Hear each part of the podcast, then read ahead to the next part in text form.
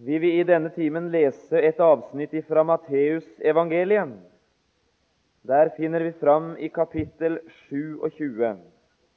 Matteus evangeliet i kapittel 27. Og så leser vi avsnittet fra vers 22 til 31. Vers 22 til 31.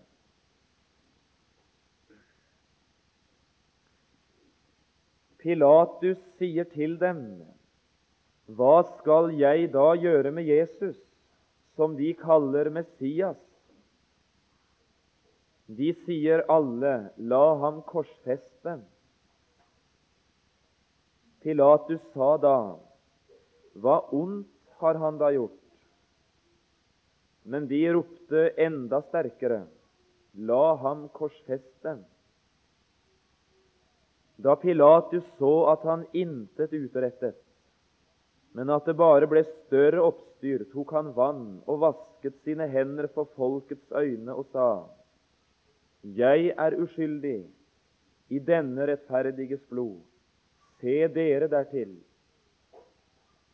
Og alt folket svarte og sa:" Hans blod komme over oss og over våre barn. Da gav han dem Barabbas fri, men Jesus lot han hudstryke og overga han til å korsfestes. Da tok landshøvdingens stridsmenn Jesus med seg inn i borgen og samlet hele vakten omkring ham. De kledde ham av og hengte en skarlagenskappe om ham. De flettet en krone av torner og satte på hans hode og gav ham et rør i hans høyre hånd. De falt på kne for ham, hånte ham og sa, Vær hilset, du jødenes konge. Og de spyttet på ham og tok røret og slo ham i hodet. Og da de hadde hånet ham, tok de kappen av ham og kledde ham i hans egne klær og førte ham bort for å korsfeste ham. Kjære Far i himmelen. Når vi slik time etter time forsøker å være stille for dette veldige som skjedde da du ga din sønn, så ber vi deg i avhengighet. Nå må du være oss nær. Du må levendegjøre sannhetene for oss. Og sett den enkelte av oss i det rette forholdet til deg. Vil du ta hånd om denne timen og la noe av det himmelske lys og den himmelske velsignelse som følger evangelieordet, vil du la det nå det enkelte hjerte, at det kunne bli rikt og godt å høre ordet ditt. Kjære Hellige Ånd, veiled oss du igjen til Jesus. Vis oss et glimt av Hans herlighet. Amen.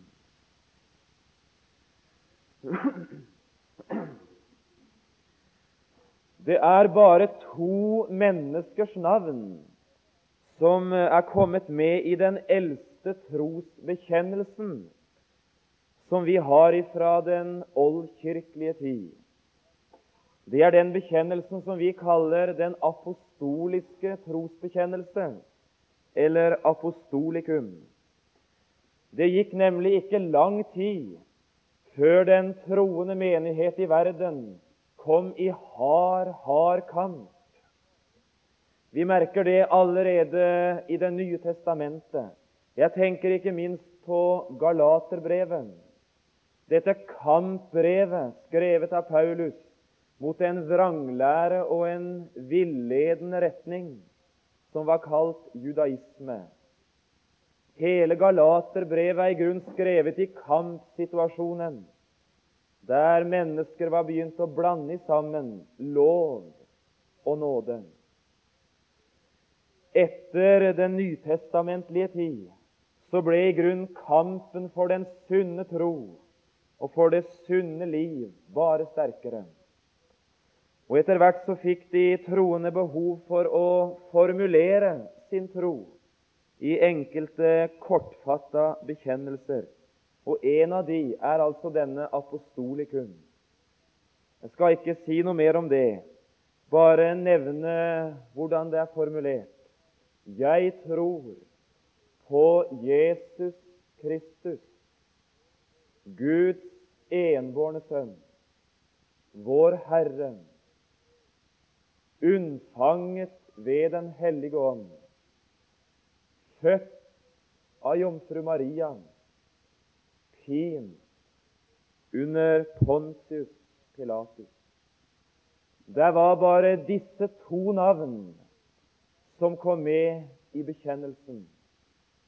Det ene navn, Maria, henne som Jesus menneskelig sett skyldte sitt liv. Og så denne Pontius Pilatus, han som Jesus menneskelig sett skyldte sin død. Og Det er denne siste person, dette siste navn, som vi skal forsøke å løfte fram litt eh, om i denne timen. Pint under Pontius Pilatus. Det er i grunnen ikke mange mennesker som har etterlatt seg en slik makaber gravskrift som Pilatus. Han hadde aldri tenkt at hans navn og det han gjorde, skulle være minst i alle århundrer etter hans død på en sånn måte som det gjøres over hele verden. Pin under Pontus Pilatus. Den romerske dommer, han som skulle dømme Jesus, han fikk ikke engang den skrift dømt av Pontus Pilatus. Men den måten han behandlet den Herre Jesus på, var av en slik karakter at da de skulle sammenfatte hva han hadde gjort, så lød det pin under Pontus Pilatus. Pin. Pin. Det er ikke mange ord som kaster slike mørke skygger. Over alt som skjedde langfredag, kaster et slikt ord mørk skygge. Og kanskje enda mer over den person som sto midt oppi dette der, kaster det voldsomt mørke skygge. Hvem var han egentlig, denne romerske dommeren? Hvem var han som pinte Guds enbårne sønn, vår Herre? Hvem var han? Hvor står han i det bildet som vi forsøker å tegne av menneskene omkring korset?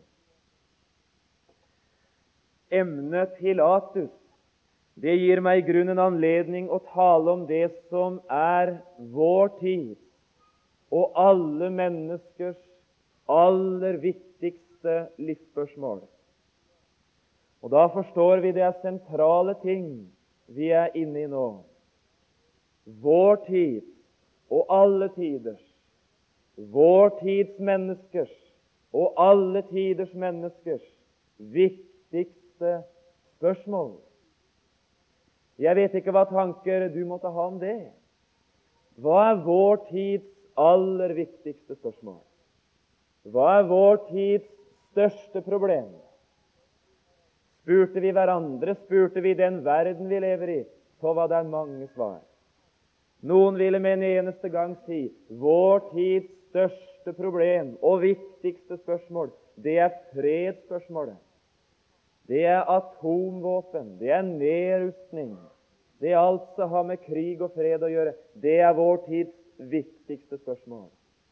Nei, sier andre, det viktigste må nå være at alle i denne verden har mat, ha klær, har i alle fall det eksistensminimum som gjør at de kan møte morgendagen med en viss trygghet. Det må være vår tids viktigste spørsmål, sier de, å fordele godene slik at det blir nok for alle. Ja, sier enda noen, hva hjelper det om vi ikke kan ta vare på den verden som vi lever i? Om vi ikke kan forvalte den, forvalte ressursene, forvalte alt det vi er satt til å styre over, på en sånn måte at vi kan se framtiden trygt i møte. og der var nevnt fem og ti og kanskje hundre saker. At det er viktige ting, dette lille jeg nevnte, det er vel ingen av oss i tvil om. Men at det er det viktigste, det er det ikke. Der er et spørsmål som er viktigere enn fredsspørsmål, så er viktigere endog en mat- og klærspørsmål. Det er spørsmålet som den romerske dommer stilte, der han sto ansikt til ansikt med en merkelig jødisk mann. Han hadde behandlet jødiske menns saker for retten mange ganger, men en sak som denne hadde han aldri vært med på.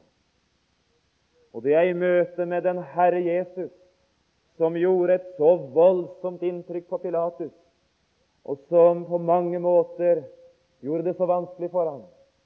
Det er i møte med denne mannen at Pilatus stiller vår tid og alle tiders viktigste spørsmål.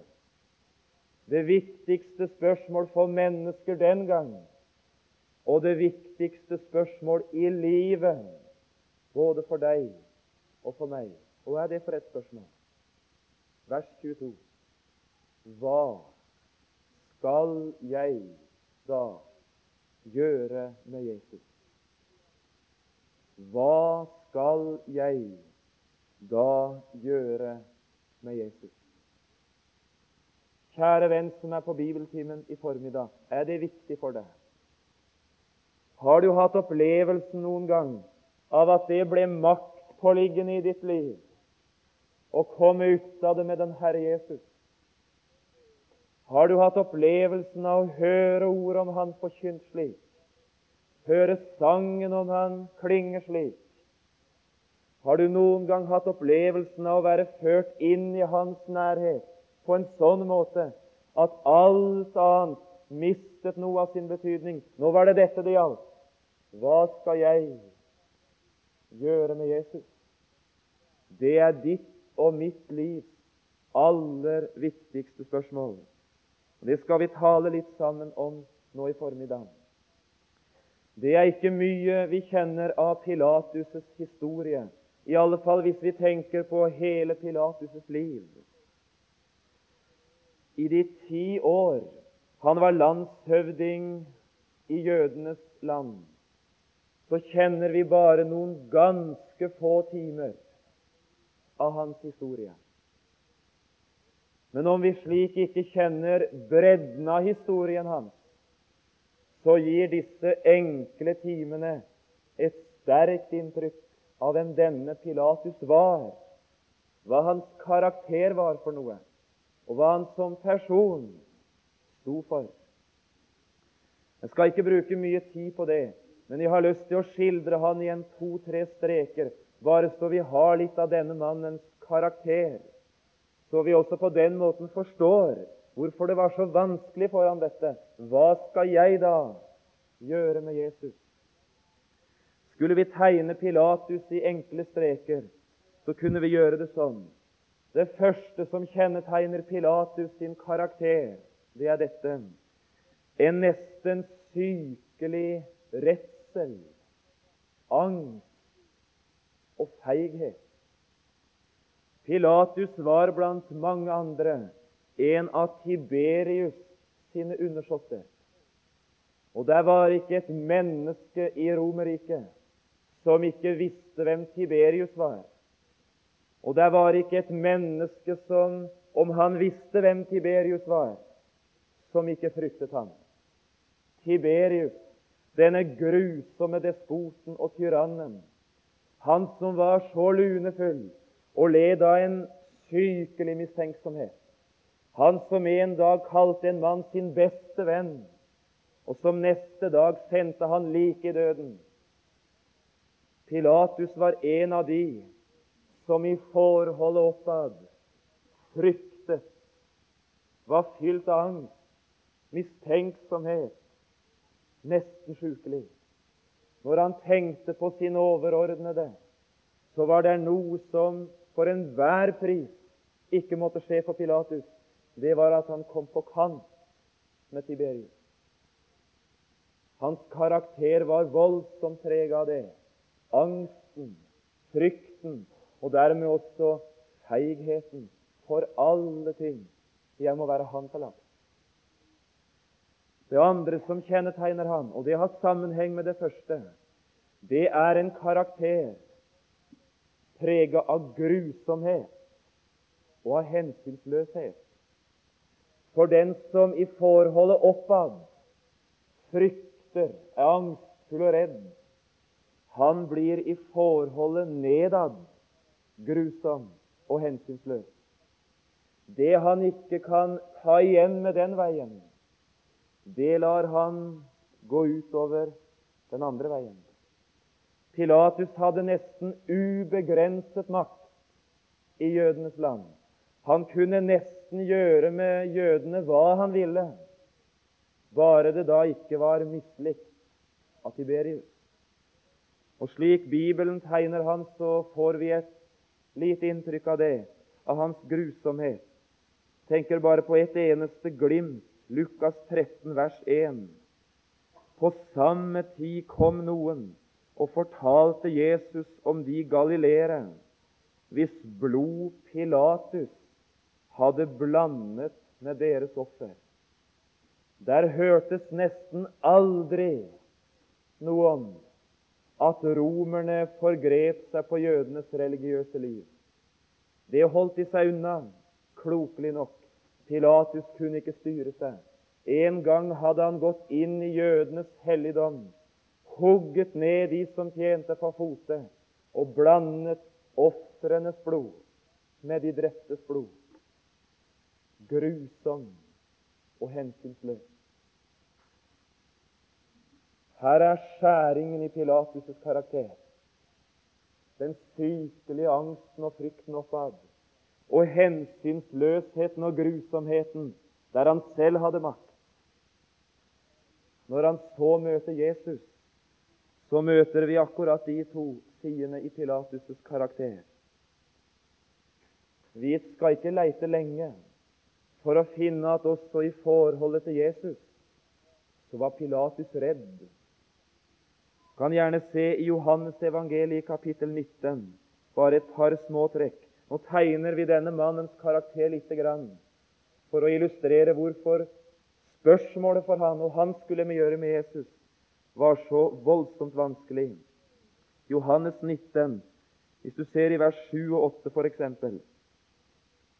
Nå ser du Jødene svarte Pilatus, vi har en lov, og etter den lov er han skyldig til å dø fordi Jesus har gjort seg selv til Guds sønn.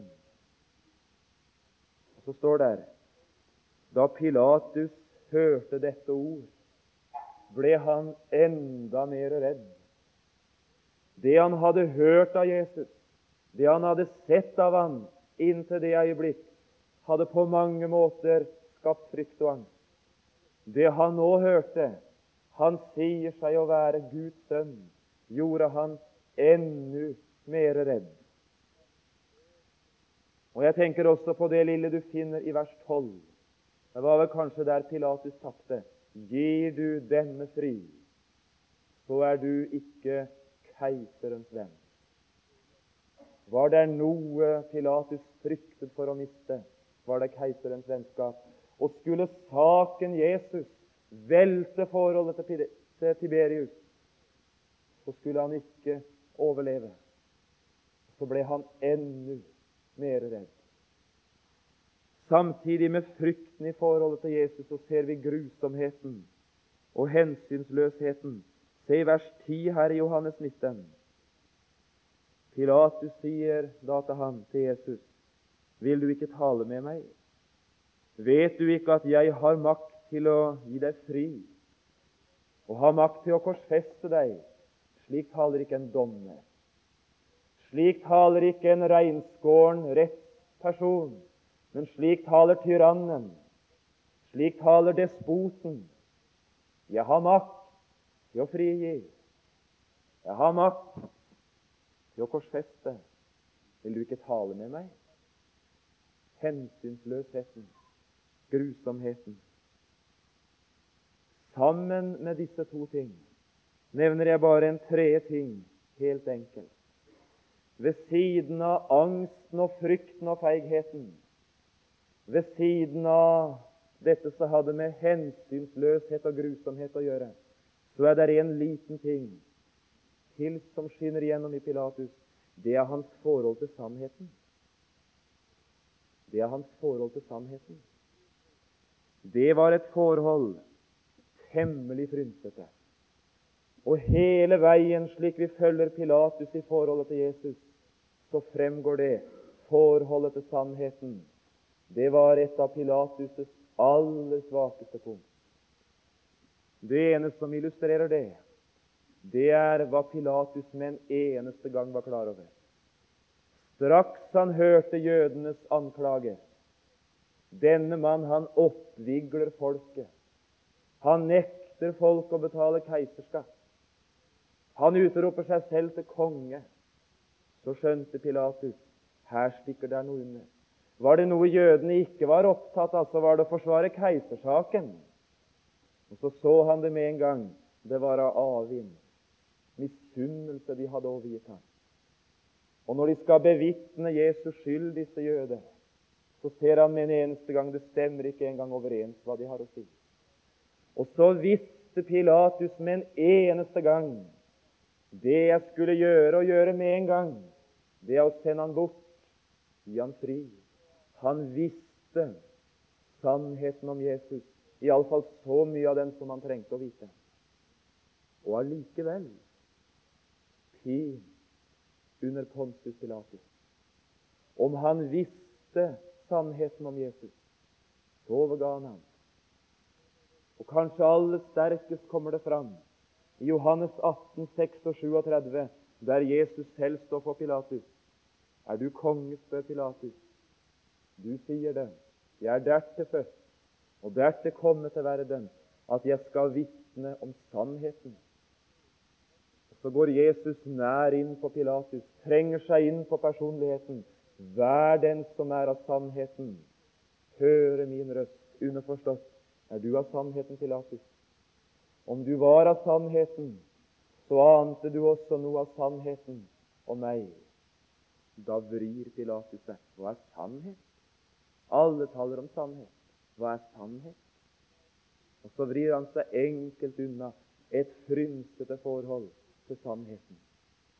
Det var noe som betydde mer for Pilatus enn å handle sant. Det var å kjøre i disse vanskelige forholdene, både oppad og nedad, slik at han selv kom ut av det med skinnet i behold. Det er ikke for ingenting at dette var vanskelig for Pilatus. Hva skal jeg da gjøre med Jesus? Hva skal jeg gjøre med han for å komme ut av det med Tiberius? Hva skal jeg gjøre med han for å komme ut av det med jødene? Hva skal jeg gjøre med han for å berge mitt eget skinn?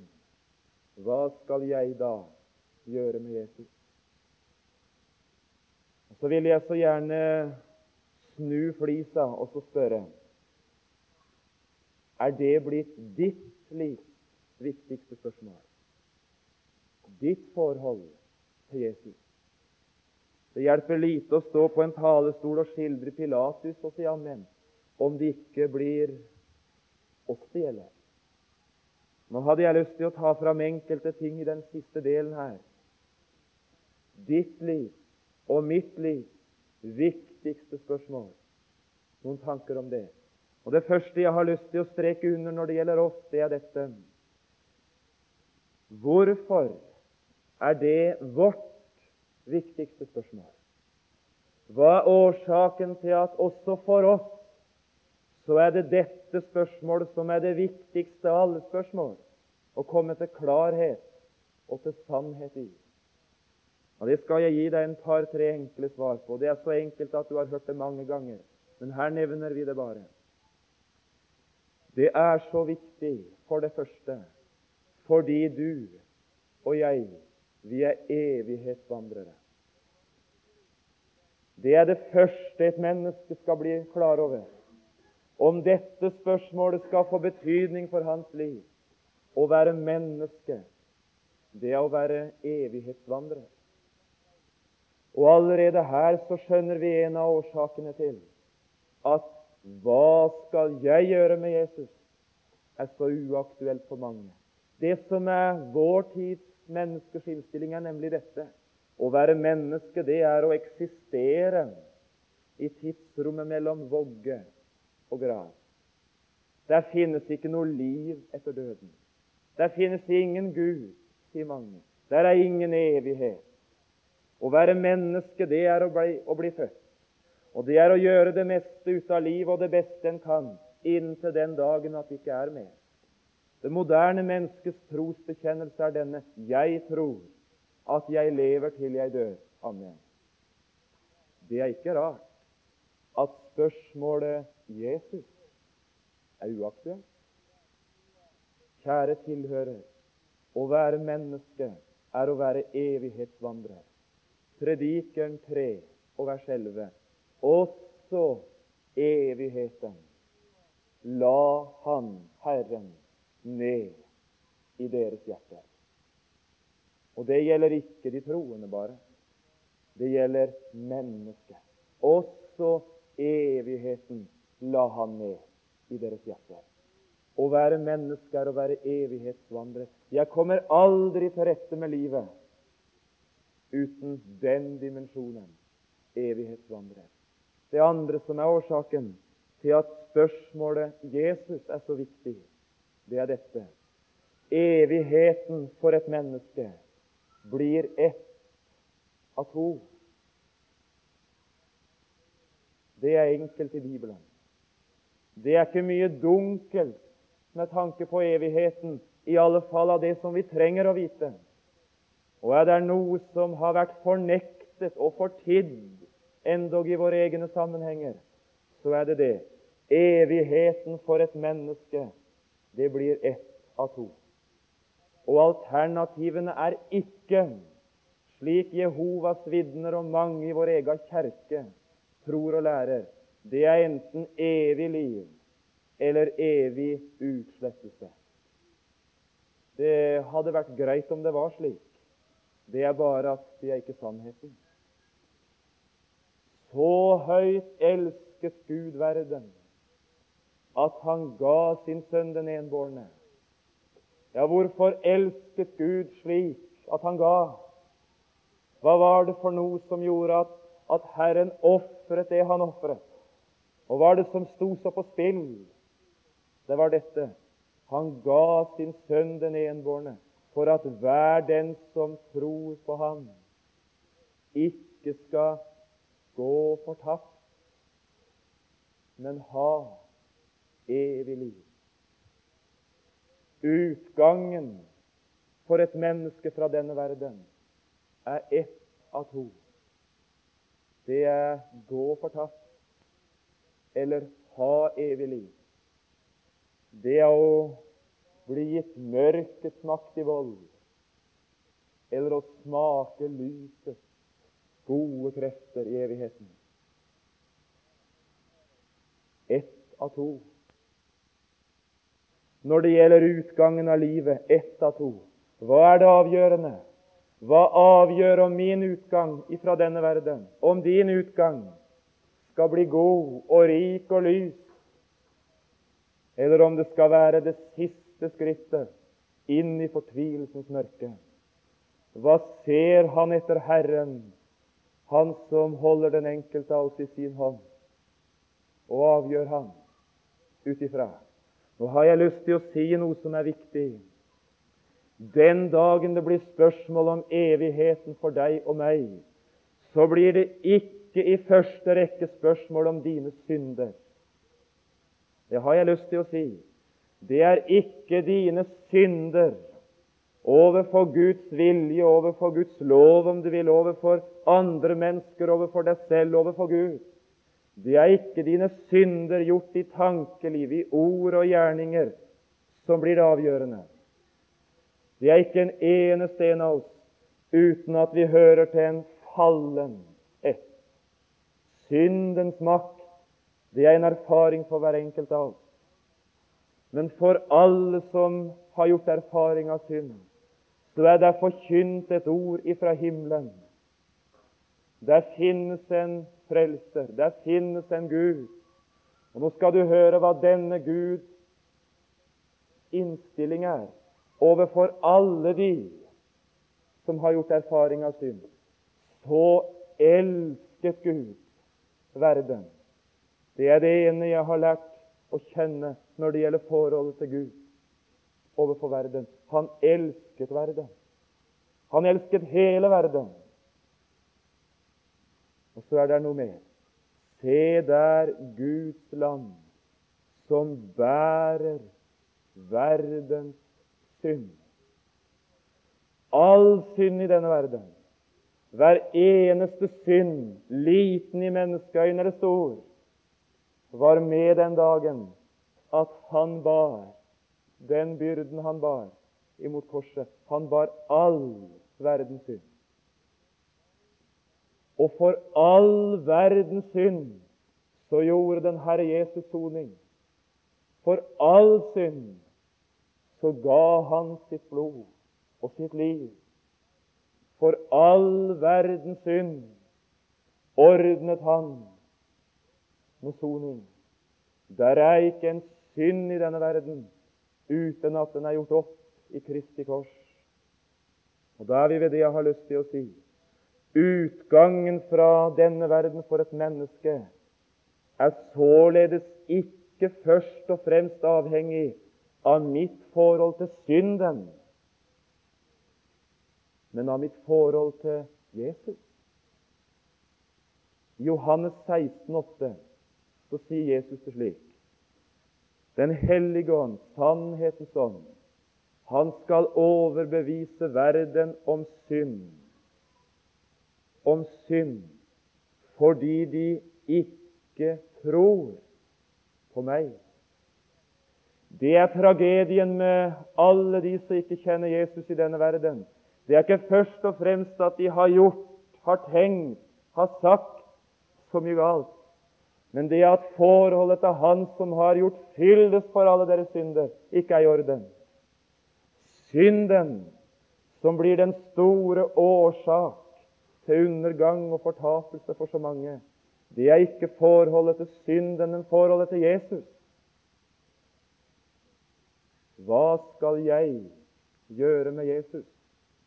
Det er det som avgjør min evighet. I Hebreerbrevet 3 så står det om noen det var for vantros skyld de ikke fikk komme inn. Og i kapittel etter, kapittel 4 i Hebreerbrevet, så lyder det en stille formaning La ikke oss falle etter samme eksempel på vantro. Der er én en eneste sak som er årsaken til at det ble noen som gikk fortapt. Forholdet til Jesus, det var ikke i orden. Det var ikke troens forhold, men det var vantroen. Hva skal jeg gjøre med Jesus? Ser du hvor viktig det er? Med tanke på evigheten så er det den ene sak det spørres om. Hva skal jeg gjøre med Jesus? Så er forholdet mitt til Han. Kjære tilhører, og er forholdet ditt til Jesus? Det er mange som overfor det forholdet prøver å vri seg unna. Det er mange som syns det forholdet det er et forhold de ikke vil ta alvorlig opp. Og så vrir en seg unna på så mange måter. Jeg har så lyst til å si det er et uunngåelig spørsmål. Like uunngåelig som det for et menneske er ikke å være evighetsvandrer, like uunngåelig er spørsmålet hva gjorde du med Jesus? Like visst som det blir evigheten for oss, like visst er det at vi skal møte det spørsmålet Hva gjorde du med Jesus? Hva gjorde du med han? Pilatus prøvde å vri seg unna etter hvert som forholdet til Jesus utvikler seg. Og Nå kunne vi gjerne ha brukt mye tid på å skildre det forholdet. Jeg får gjøre det veldig enkelt og raskt, så, så får dere følge med så godt dere kan. Men nå skal du se en merkelig mann som har oppdaget forholdet til Jesus, det er det viktigste akkurat nå. Og som står der og vrir og vrenger, trekker seg tilbake og forsøker Kan jeg bare komme unna på en eller annen måte? Du skal få det veldig skildra og veldig raskt. Jødene som fører Jesus til Pilatus, kommer med en trumf med en eneste gang. Johannes 18, 30. Her har vi en Jesus. Her har vi en som er skyldig til døden. Ta og undertegn dødsattesten, Pilatus, og vi skal ordne den saken. Johannes 18, 30. Forsøker ikke engang å si og det var med han. Var dette ikke en ugjerningsmann, så hadde vi ikke overgitt ham til deg. Og Så legger de alle forhold til rette for Pilatus.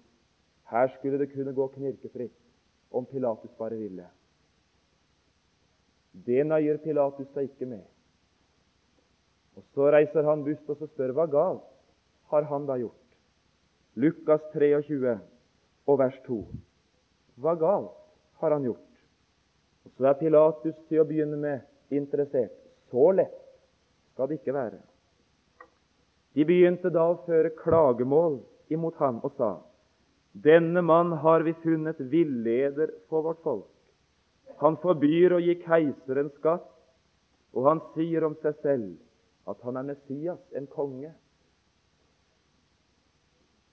Det var lite interessant, det meste av det. Keiserskatt og villeder for folket brydde han seg lite om. Det eneste interessante for Pilatus måtte være dette konge. Konge.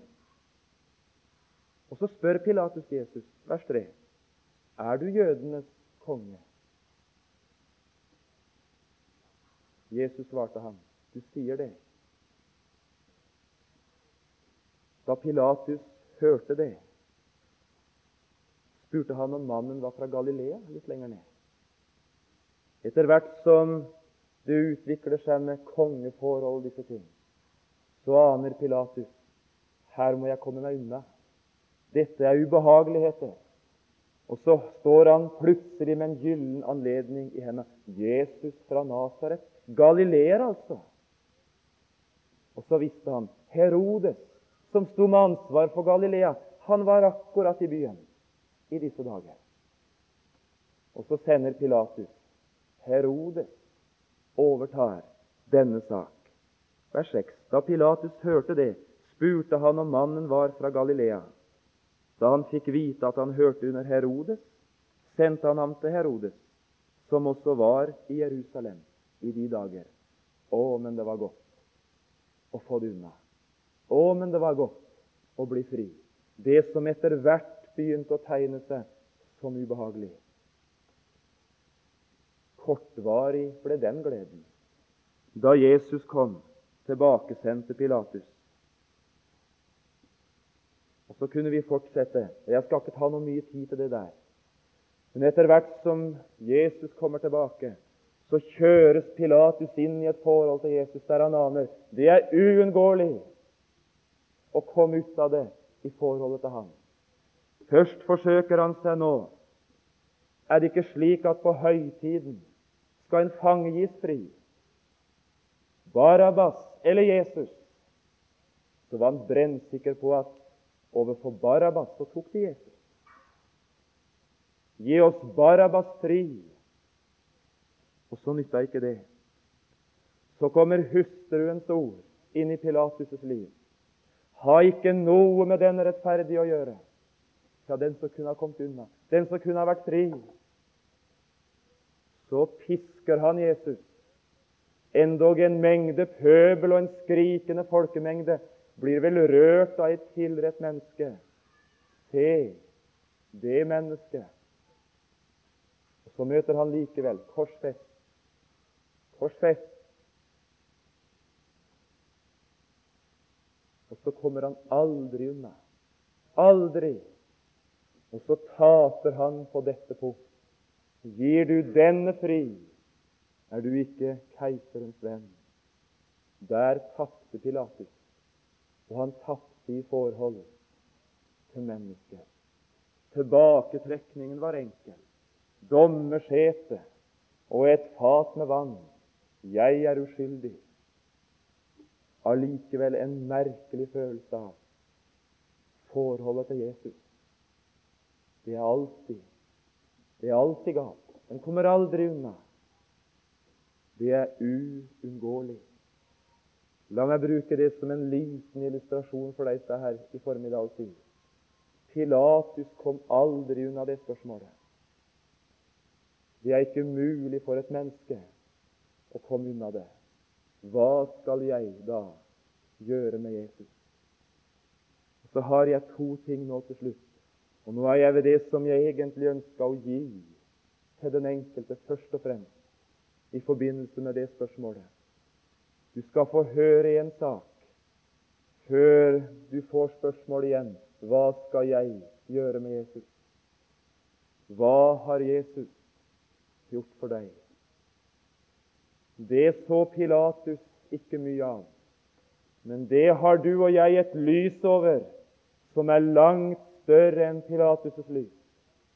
Og hviler ansvaret tungt på Pilatus' skuldre overfor hans behandling av Jesus, så hviler der et enda større ansvar over dem som har mer lys over Jesus, hans person og hans gjerning.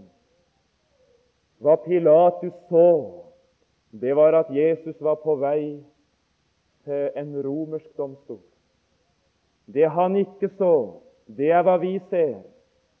Jesu vei, det var veien til en annen dom. Det var veien inn til en annen dommer. Og det er i lys av den veien og den dommen at jeg får se hva Han har gjort for meg. Det er en forutsetning for å handle rett med Jesus at en først får se hvordan Jesus handlet med meg. Det har jeg lyst til å si i tre enkle streker, og det skal bli enkelt. Hva har Han gjort for meg? Hebreerbrevet 10. Vi understreker tre enkle sannheter.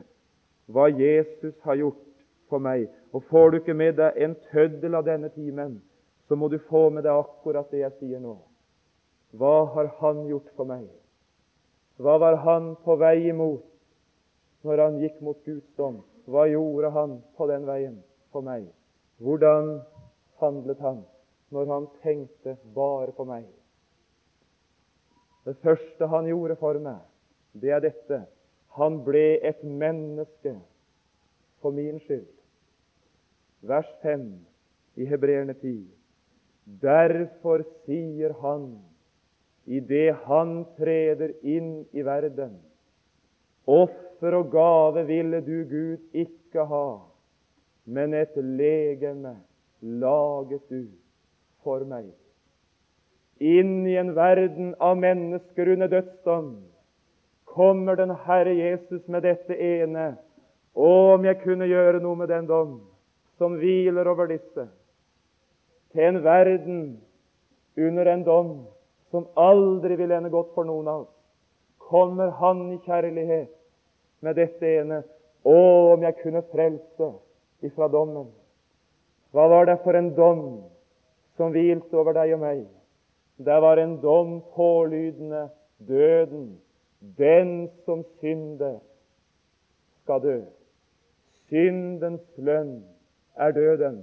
Og skulle Jesus kunne berge en som meg, en som deg, ifra den dommen, så måtte han dø.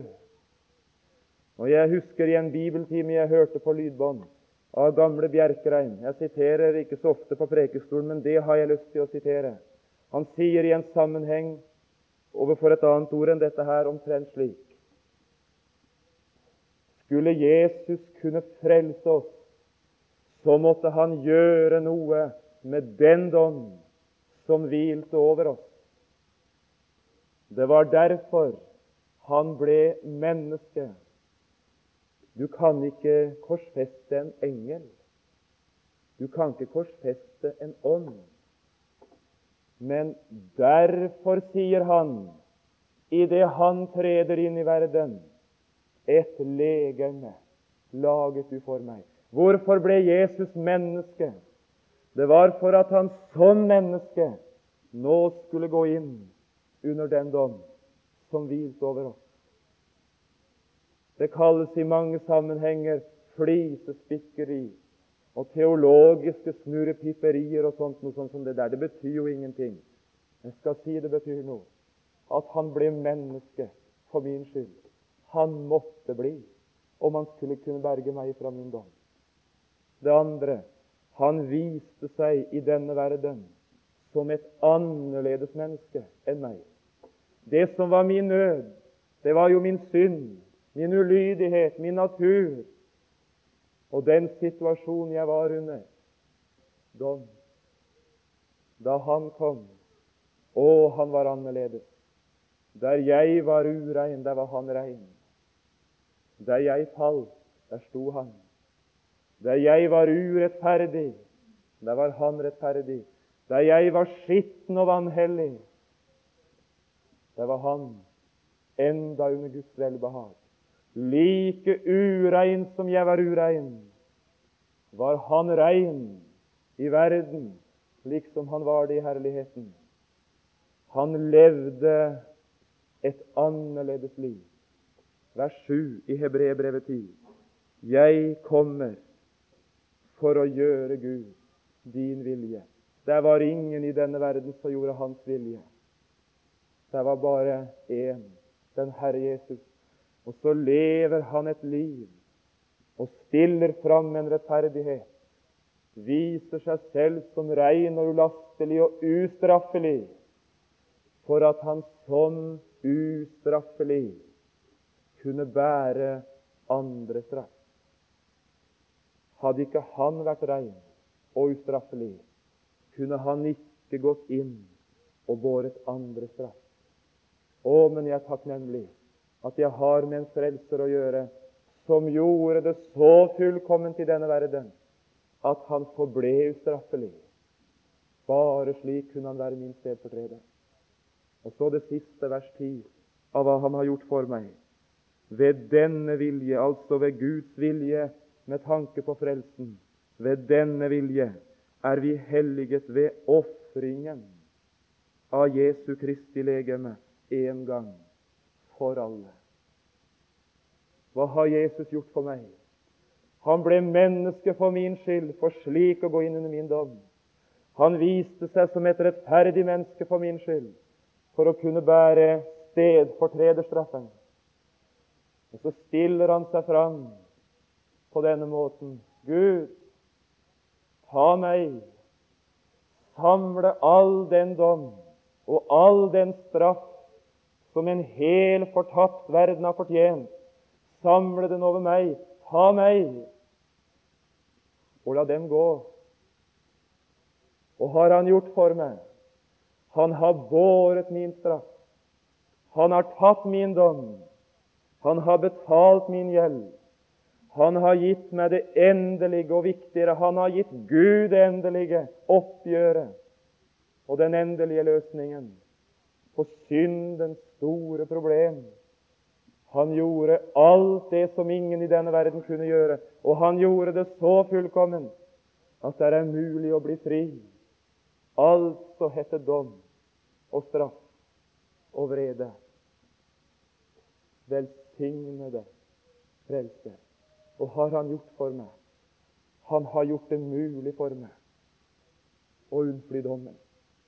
Han har gjort det mulig for meg i evigheten å slippe behandling som fortjent. Han har gjort det mulig for meg å få behandling etter Guds miskunnhet og kjærlighet. Han har gjort alt for meg. Hva har du gjort for ham? Hva skal du, hva skal jeg da gjøre med Jesus? Og gjorde du, når du hørte ordet om Han som ble menneske for deg, som levde det rettferdige liv for deg, som lot seg knuse i døden i ditt sted, og som smakte den Guds forlatthet som ingen av oss skulle trenge å oppleve. Og gjorde du når du hørte det ordet? Hva skal jeg da gjøre med Jesus. Og Så har jeg Johannes 5, 24 i denne sammenhengen, og øyeblikk ferdig. Sannelig, sannelig, sier jeg dere, hver den som hører mitt ord Og det er det du har gjort nå. Hører mitt ord og tror Han som har sendt meg. Hører slik at den føres til tro. Ja, hva med Han? Han kommer ikke til dom. Han kommer ikke til dom, men er gått over fra døden til livet. Jeg venter ingen dommer. Jeg venter ikke på Han som skal komme for å dømme levende og døde. Men jeg venter på Han som annen gang skal åpenbare seg nå uten synd, til frelse for dem som venter på Ham. Som brud så venter en brudgommen. Og en brudgom fører ikke sin brud inn i en domssal eller en rettssal. Det ville være en merkelig brudgom. Der venter bryllupssal, ikke rettssal. Kommer ikke til dom. Er gått over fra døden til livet. Har dommen i fortiden. Hvordan? Vi hørte et ord og kom til tro på ordet, og så var vi frelst. Å, men han har gjort alt for oss. Hva skal jeg da gjøre med Jesus? Pilatus håpet å få fred for det spørsmålet, men han fikk aldri fred. Og Nå skal du få, når jeg sier amen, en skildring. Jeg ser han for meg, Pilatus, på vei ifra møtet med Jesus. Jeg ser han for meg angstfull og redd. Jeg ser han for meg med et eneste ønske om jeg kunne få fred for Jesus. Og Så leser jeg om en Pilatus som aldri fikk fred. Straks han kommer hjem, så møter han hustruen. Hva gjorde du med Jesus? Hvordan gikk det? Lyttet du til formaningen? Jeg dømte ham, men la meg få fred. Litt seinere, der han kanskje ligger og hviler Pilatus, det er mørkt i byen. Det er så gudsforlatt mørkt og kaldt.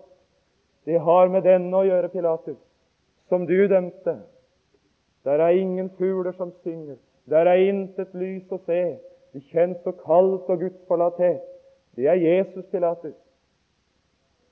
Kom aldri fri. Og etter hvert så oppsøkes han. Først noen. Pilatus.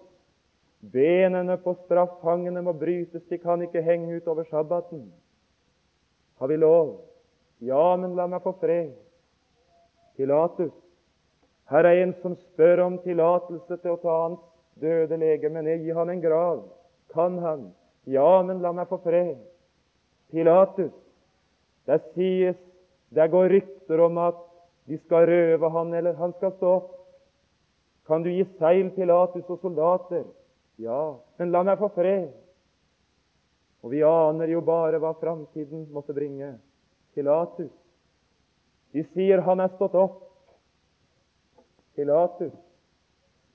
Der er 3000 mennesker i denne byen kommet til tro på Jesus. Folk er i bevegelse. Det er Jesus. Historien om Pilatus forteller han døde som en fredløs og en hvileløs mann. Han kom aldri unna det spørsmålet. Hva skal jeg gjøre med Jesus? Jeg ville så gjerne si og om dette bibelkurset kunne føre oss inn i dette Hva skal jeg gjøre med Jesus? Til deg som er akkurat i brytningen over til bevisst liv og bevisst tro. Og du skulle lytte etter alt du fikk høre om Jesus høre slik at du kunne komme til tro og få reise hjem ifra bibelkurset med den forvissning Jesus er min. Og du som sitter og vet han er min, du skulle takke din frelser enda en gang at han gjorde alt for deg så fullkomment at du nå i tillit til alt det han gjorde, skal få leve i den trygghet og forvissning. Forholdet til Jesus, det er i orden. Og da er alt vel. Pilatus' utgang ble mørk. Hva det stille ord får bety for Pilatus, vet jeg ikke. Dog har den større skyld som overga meg til deg. Det vil evigheten vite. For oss gjelder det i alle fall dette forholdet til Jesus. Det er det viktigste av alle forhold. Å, men det må være rett. Kjære Jesus, takk for den kjærlighet som du utviste da du gjorde alt for oss. Takk at du ble menneske, Jesus, for min skyld. Steg inn i den hytte som også var min hytte. Takk at du levde mitt liv om igjen, og at du bar min straff og min dom. Vil du la den enkelte av oss få høre det ordet så tydelig disse dagene at det er uunngåelig for oss å komme i et rett forhold til deg. Takk for alle under kurset som har hørt et ord som har ført de til tro. Kunne det underet skje med enda en? Han hørte, og han trodde, og ble frelst. Amen.